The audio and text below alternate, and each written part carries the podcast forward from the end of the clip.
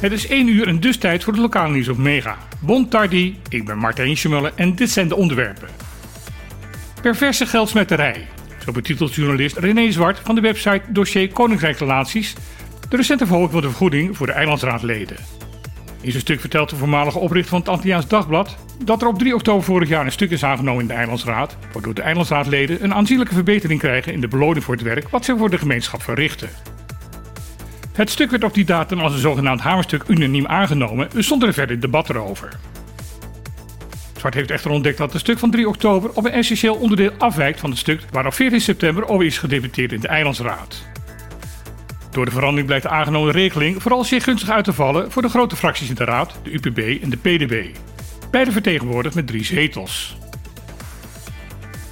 Zwart zegt dat vooral de PDB in de nabije toekomst van de verandering gaat profiteren wanneer het aantal raadsleden vergroot gaat worden. Daarmee lijkt de journalist te willen suggereren dat deze partij ook achter de stiekeme verandering zit. Dat blijkt bij nadere bestudering echter niet mogelijk te zijn. Aanpassingen in het stuk kunnen alleen maar door het bestuurscollege zijn aangebracht en die bestond op 3 oktober nog uit UPB en NPB. Een rechtstreekse vliegverbinding tussen Bonaire en Bogota. Dat was de inzet van een tweedaagse handelmissie naar Colombia.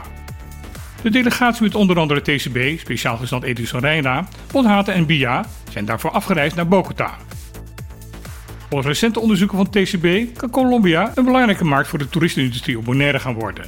Daarvoor is een directe luchtverbinding van essentieel belang. Concrete resultaten uit de bespreking zijn niet bekendgemaakt, wel dat er belangrijke stappen zijn gezet. De komende tijd zal TCB gaan werken aan een verdere dialoog met mogelijke andere nieuwe partners in Zuid-Amerika. De nieuwe munt voor Curaçao Sint Maarten komt er. De klok kan niet meer worden teruggedraaid. Dat zegt Richard Doornbos, president van de Centrale Bank van Curaçao en Sint Maarten. Hij vertelt dat de productie van het nieuwe geld al is begonnen om ervoor te zorgen dat de munteenheid op 31 maart 2025 geïntroduceerd kan worden. Daarmee wil de bankpresident verder discussie over de nieuwe munt afkappen. Volgens hem is dat een gepasseerd station. Nog steeds zijn vele partijen op de twee eilanden ervan overtuigd dat er beter overgestapt kan worden op de Amerikaanse dollar dan zelf weer een nieuwe munteenheid te gaan invoeren. Doornbos zegt dat deze discussie kan doorgaan. Het is volgens hem aan de regeringen van Curaçao en Sint Maarten om daar een besluit over te nemen. Maar voor nu gaat hij zich richten op 31 maart volgend jaar. Want, zegt Doornbos, de oude munt is zo verouderd dat wij niet langer meer kunnen blijven wachten.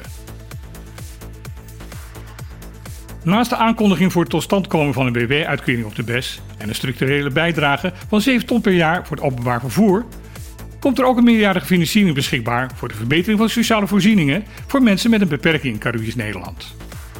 Hiermee moeten mensen met een beperking makkelijker aan betaald werken kunnen komen en meer zelfredzaam worden. Dat schrijven minister Schouten en staatssecretaris Van Huffelen aan de Tweede Kamer.